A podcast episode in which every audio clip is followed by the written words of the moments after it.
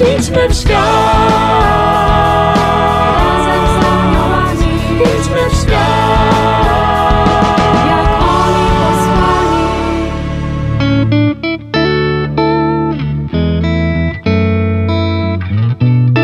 Kim są aniołowie? Jaką rolę odgrywają w naszym życiu? Jak pielęgnować przyjaźń z nimi? Czego możemy się od nich uczyć? Na te i inne pytania znajdą Państwo odpowiedzi w audycji Razem z Aniołami. Zapraszam serdecznie. Siostra Kamila Nowicka, siostra od aniołów. Idźmy w świat.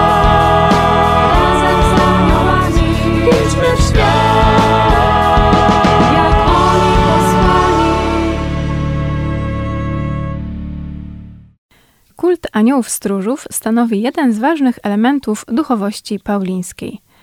W Polsce rozpowszechnił się on właśnie dzięki zakonowi Paulinów, którzy w XVII wieku założyli na Jasnej Górze pierwsze bractwo aniołów stróżów.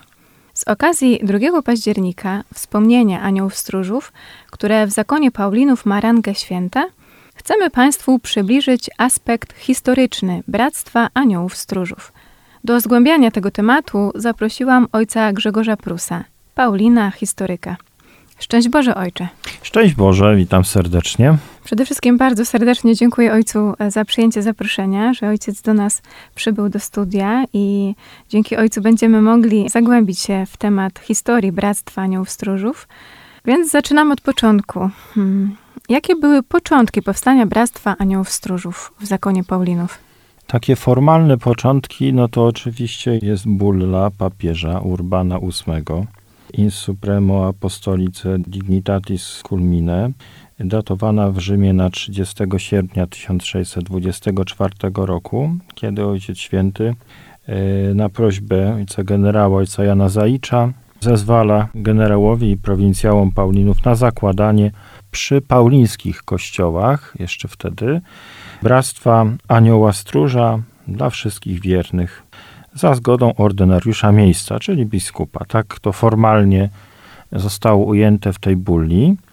Natomiast później, dwa lata później, jest jeszcze jedna taka bulla, również papieża Urbana VIII, Pastoris Eterni z 8 października 1626 roku, kiedy już mowa o możliwości zakładania bractwa przy y, różnych kościołach, nie tylko kościołach paulińskich. Y, I to są dwa takie dokumenty, m, które formalnie y, umożliwiają prowadzenie takiej działalności Paulinom. Natomiast oczywiście rodzi się pytanie, dlaczego akurat aniołów stróżów, bractwo, no bo bractwa wtedy były rzeczywiście w, tym okresie popularne.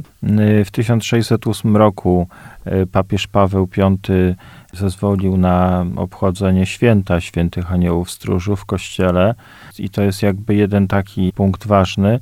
A kult, no jakiś kult istniał u Paulinów, skoro akurat zdecydowali się na poproszenie o to bractwo, prawda? Ten kult się wiązał y, już chociażby z tradycją, że święty Paweł na pustyni, nasz Paweł Pustelnik, mieli się nim tam opiekować, e, aniołowie, prawda? Więc to gdzieś pewnie no, to odniesienie do świętego Pawła trzeba by na nie patrzeć jako takie źródła kultu i w ogóle duchowość pustyni. Ale to już na inną rozmowę. Natomiast y, początki tego bractwa, no właśnie w tym okresie pierwszych dziesięcioleci XVII wieku, to jest ciągle jeszcze czas takiej duszpasterskiej ofensywy Kościoła katolickiego, która jest odpowiedzią na reformację, czyli mamy do czynienia z odnową Kościoła, odnową teologiczną, duszpasterską i mamy też do czynienia z, no, z tak zwaną kontreformacją, czyli z działaniami takim konkretnie jakby mającymi na zneutralizowanie wpływów reformacji. I w ramach tych działań duszpasterskich Kościoła y, po Soborze Trydenckim, który się od- odbył w XVI wieku, ale no, recepcja tego soboru trwała dziesięciolecia i w ramach tej takiej ofensywy duszpasterskiej y, upowszechniają się bardzo, dzisiaj byśmy powiedzieli, wspólnoty, y, grupy, ruchy kościelne, a wtedy to były właśnie, one miały formę tak zwanych bractw. Oczywiście to nie chodziło o to, że byli sami panowie. W tych bractw, pod pojęciem bractwa również kryły się siostry, prawda? To nie chodzi, że byli tam sami bracia. Sami bracia. ale Były po prostu, to, była, to były stowarzyszenia e, katolickie, powiem, dla ludzi świeckich. One w ogóle się pojawiły w kościele jeszcze wcześniej. Początki bractw mówi się powiedzmy o XIII wieku, czyli okres średniowiecza. Natomiast w XVII wieku nabierają takiego nowego rozpędu. E, Niektóre są bardzo popularne, tak jak Bractwo Różańcowe związane z Dominikanami, czy Świętej Anny z Bernardynami, czy Szkapleżne z Karmelitami. Natomiast właśnie Paulini obierają sobie jako takie bractwo, które będzie charakterystyczne dla naszych paulińskich klasztorów, właśnie Bractwo Świętych Aniołów. To bractwo przede wszystkim rozwija się w Polsce w polskich klasztorach. Wiemy na pewno, że były też w, prowincji szwabskiej. Była taka prowincja szwabska, tereny, częściowo teren dzisiejszych Niemiec. Tam też ono się pojawia, ale zasadniczo to dotyczy głównie, to dotyczy polskiej prowincji Paulinów. No i to bractwo rozwija się. Rozwija się najpierw, właśnie oczywiście pierwsze zostaje rygowane na Jasnej Górze w 1625 roku. Także w ogóle proszę zauważyć, że ten 624, kiedy mamy tą pierwszą bullę, no będziemy mieli w przyszłym roku piękną rocznicę. 400 lat. To rzeczywiście będzie, y, będzie bardzo, bardzo ładna, okrągła rocznica. I miejmy nadzieję, że okazja też do świętowania większego. No, ja myślę, że to będzie okazja, tak, do, do takiego świętowania, ale też do pewnych inicjatyw ciekawych. Mieliśmy właśnie taki czas na inicjatywy anielskie, przynajmniej w Krakowie na Skałce. W 2005 roku żeśmy właśnie mieli e, Rok Świętych Aniołów na Skałce i wtedy dużo takich inicjatyw ciekawych było, a zwłaszcza to, że dwa lata wcześniej, bo w 2003, dobrze, jeśli nie mylę, było po prostu reaktywacja Bractwa Anioł Stróżów, bo no historia y, tak chronologicznie jeszcze jakby może dopowiedzieć, nie? To jest taka, że zostało założone pierwsze bractwo na Jasnej Górze. Później, rok później, w 1626, y, założono bractwo w Krakowie na Skałce. No a potem, to jest ciekawa sprawa, ale kilkadziesiąt, no nie niewiele, no ale kilkadziesiąt lat później, bo w 1646 roku, no 20 lat później, Mamy drugi dokument erygujący Bractwo na Skałce. Y, No i interpretuje się to w ten sposób, że dlatego, że ten dokument, kiedy Bractwo powstało, on był jakby pomiędzy tymi dwiema bullami papieskimi. Y, A ta druga była tyle ważna, że pozwalała na erygowanie mm, także przy innych kościołach, niepaulińskich. No tutaj niby pauliński klasztor, ale no żeby uniknąć jakichś wszelkich ewentualnie niedopowiedzeń, może nieważna fundacja, no to po prostu była druga, drugi dokument. Mamy, on się szczęśliwie na skałce zachował, ten z 1646 roku, bardzo ładny, w formie takiego pergaminowego poszytu.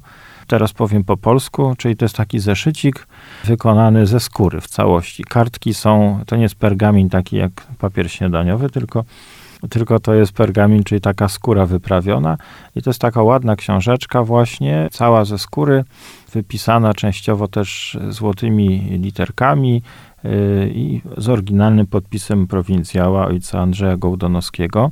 To jest świadek właśnie tamtych dni. Natomiast na, na Jasnej Górze mamy też nie wiem czy dwie, ale na pewno jedną z tych bulli papieskich na pewno mamy, y, która się zachowała. Potem mamy tak klasztory poszczególne też. Wiemy, że, że bractwo było, rozwijało się w Beszowej, w Pinczowie, w Starej Wsi, w Warszawie, w naszych klasztorach, w Głogówku na, na Opolszczyźnie.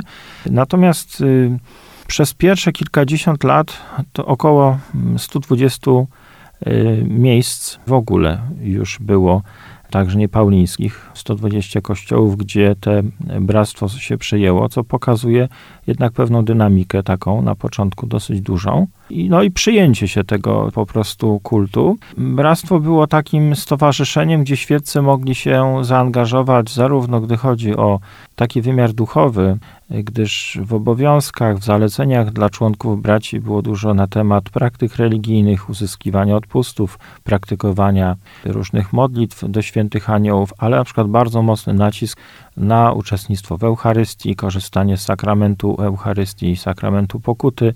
Krótko mówiąc, taka naprawdę formacja duchowa, poważna, a oprócz tego Bractwo miało się zajmować pomocą, dzisiaj byśmy powiedzieli, charytatywną e, różnym potrzebującym osobom, zarówno członkom bractwa, jak i w ogóle, e, w ogóle potrzebującym. To były dwa takie jakby charakterystyczne, można powiedzieć, filary funkcjonowania. I trzeci jeszcze, trzeci trzeba dodać, taki liturgiczny, czyli taka posługa trochę w, w kościołach, gdzie to bractwo się gromadziło.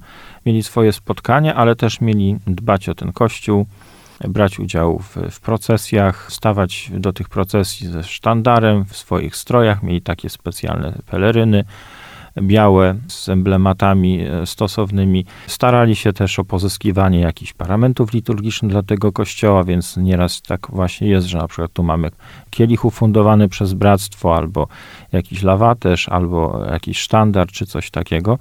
E, także udzielali się e, właśnie w tych kościach, także w tym wymiarze no, takiej opieki nad tym miejscem i uczestnictwa liturgicznego. Bractwo się rozwijało, bractwo funkcjonowało, wpisywali się do niego różni ludzie. I mamy bardzo piękne świadectwa o tych, o tych zapisach. Zachowały się na przykład na skałce w archiwum w naszym klasztorze paulińskim takie księgi brackie.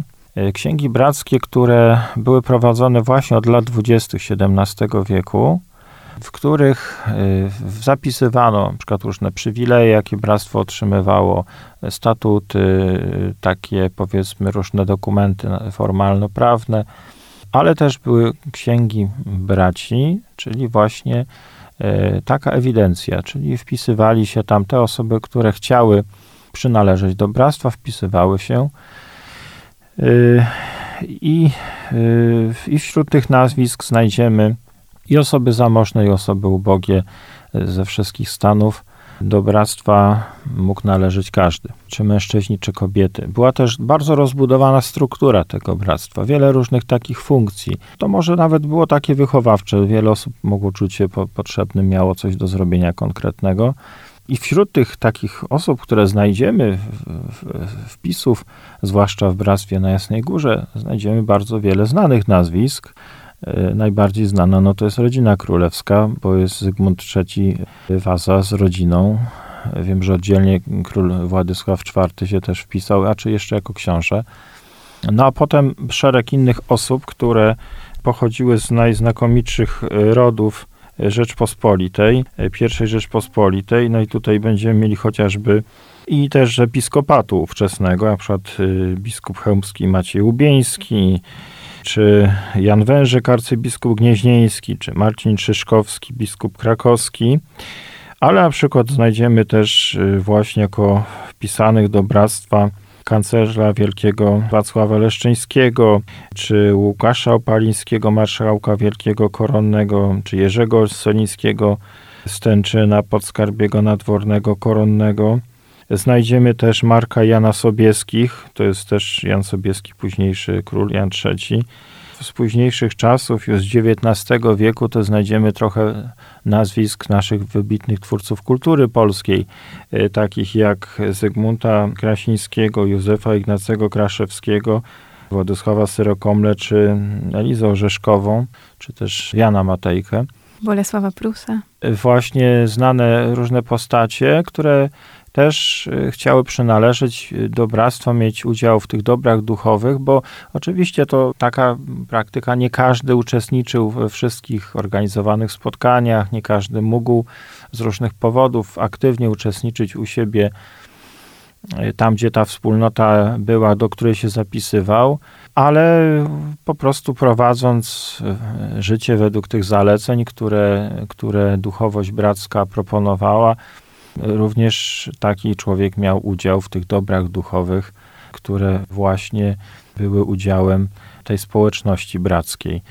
Od początku słyszę, że bractwo miało ten taki podwójny wymiar, jednocześnie rozwijanie tego kultu anielskiego, ale także e, wprowadzanie tej duchowości anielskiej w praktyce, czyli bycie w pewnym sensie takim aniołem w tym środowisku, gdzie się było, poprzez te dzieła charytatywne, miłosierdzia, mhm. o których ojciec wspomniał. Tak, właśnie ładnie to też siostra powiedziała, że to jest właśnie bycie aniołem takie, bo to u nas świętej pamięci ojciec chyba, chyba Stefan Roszej, to zdaje się, on tak właśnie to mówił, że E, Są anioły właśnie te, o których Niebieskie? niebieskie, prawda? Ale też właśnie mówił w ten sposób, że człowiek może być takim aniołem.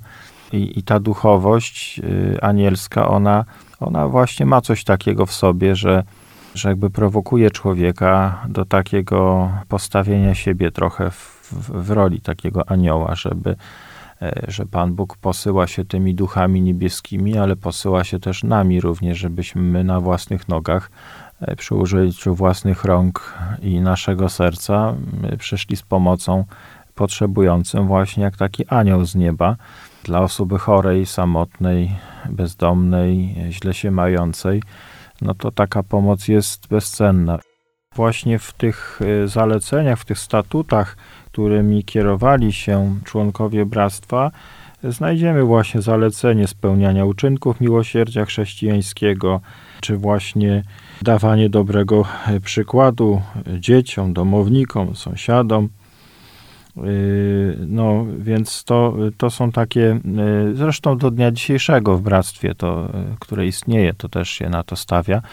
Natomiast, natomiast to rzeczywiście bardzo ważny, bardzo piękny rys. Bractwo się rozwijało, ale przyszedł wiek oświecenia i w 1782 roku e, na terenie mm, monarchii Habsburgów zostały skasowane tego typu organizacje, więc te klasztory, które na terenie tej monarchii były, e, niestety klasztory te wtedy, mm, no, no, bractwo przestało tam istnieć.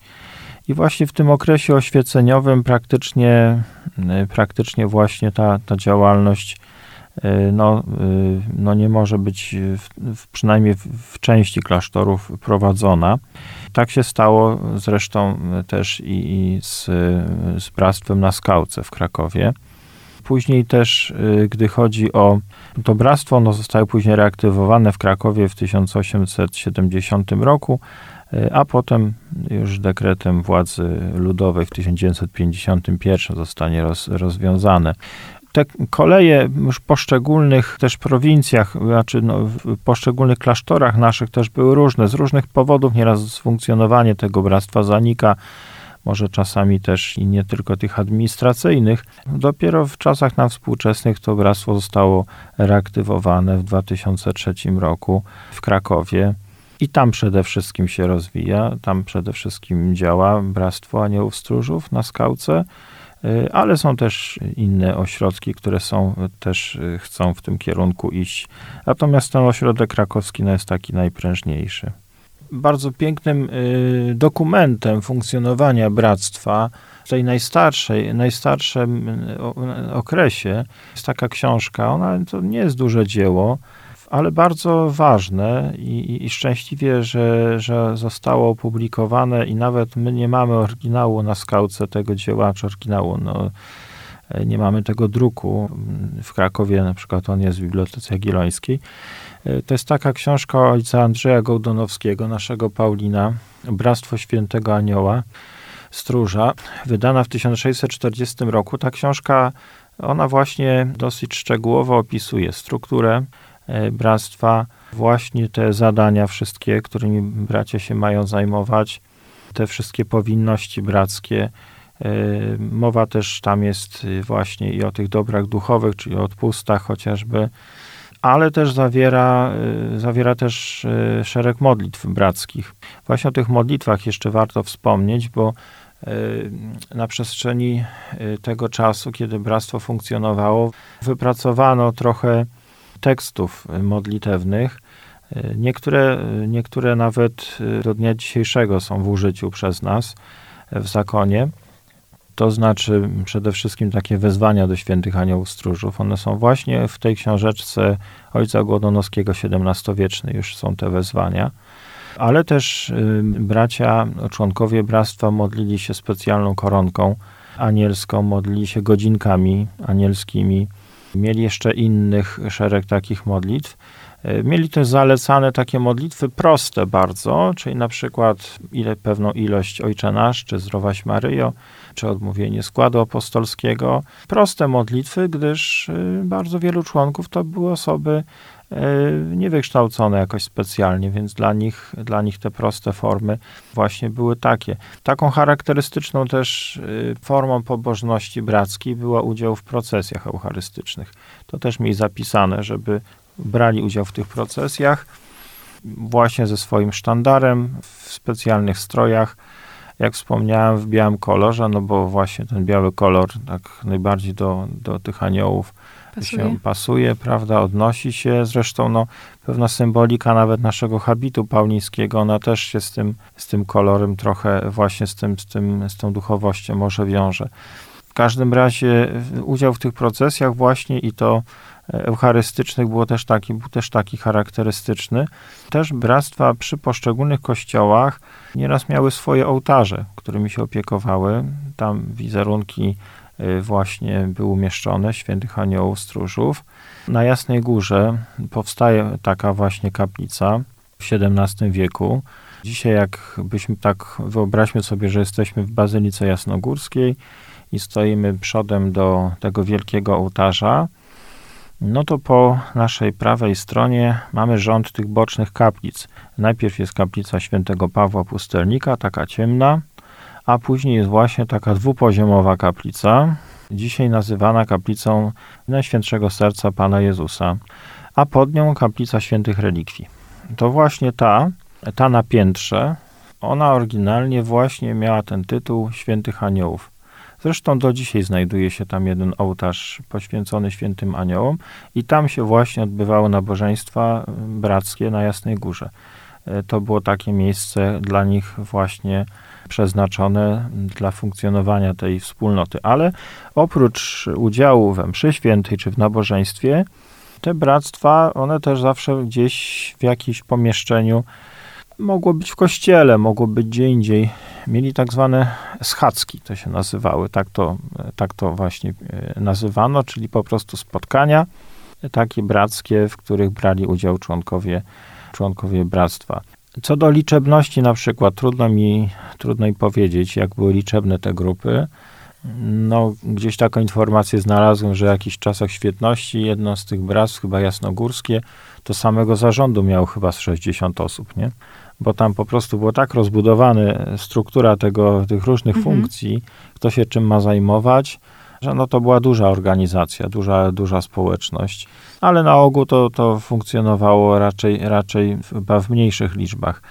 Znalazłam informację, że w pierwszym stuleciu istnienia bractwa to liczyło nawet 200 tysięcy członków. No tak, no ale to właśnie na tej zasadzie, że ludzie się na przykład wpisali byli w sanktuarium z pielgrzymką, zapisali się tak jak rodzina królewska, prawda, no ale nie uczestniczyli w takim Aha, bieżącym... Nie mieli tej stałej formacji. Tak, nie mieli udziału, no bo po prostu oni przyjechali na pielgrzymkę, może tam byli w sanktuarium raz w życiu, albo albo, albo y, może troszkę częściej, ale no nie, nie, nie mieli nad takiej możliwości, prawda, bo nawet u siebie w kościele w parafialnym nie mieli bractwa, a wpisali się na przykład na Jasnej Górze, więc, hmm. więc to tak, to tak to wynikało, tak. Natomiast co innego te osoby, które na przykład u nich w parafii rygowano wspólnotę, no i angażowały się systematycznie w życie tej wspólnoty. Dzisiaj współcześnie to jest bardzo podobnie wygląda. Też można się tak zapisać do bractwa i trochę być na zasadzie takim członkiem, nazwijmy to dzisiejszym językiem korespondencyjnym, ale biorąc właśnie udział w tych duchowo po prostu funkcjonowaniu. Dziś już nie istnieje Bractwo Aniołów Stróżów e, na Jasnej Górze, istnieje w Krakowie na Skałce. E, czy na przestrzeni lat, od początku istnienia, te zadania czy statut bractwa się zmieniał? Czy aktualnie wygląda on inaczej i ma podstawy te pierwotne, czy to się zmieniło? No, zmieniał się to oczywiście, że, że trzeba było dostosowywać funkcjonowanie tej, tej społeczności do różnych okoliczności, które są. Poza tym też nawet kwestia, tak jak współcześnie dzisiaj, dostosowania do aktualnego kodeksu prawa kanonicznego, umiejscowienie takiej wspólnoty w, dzisiejszych realiach takich formalno-prawnych, kościelnych.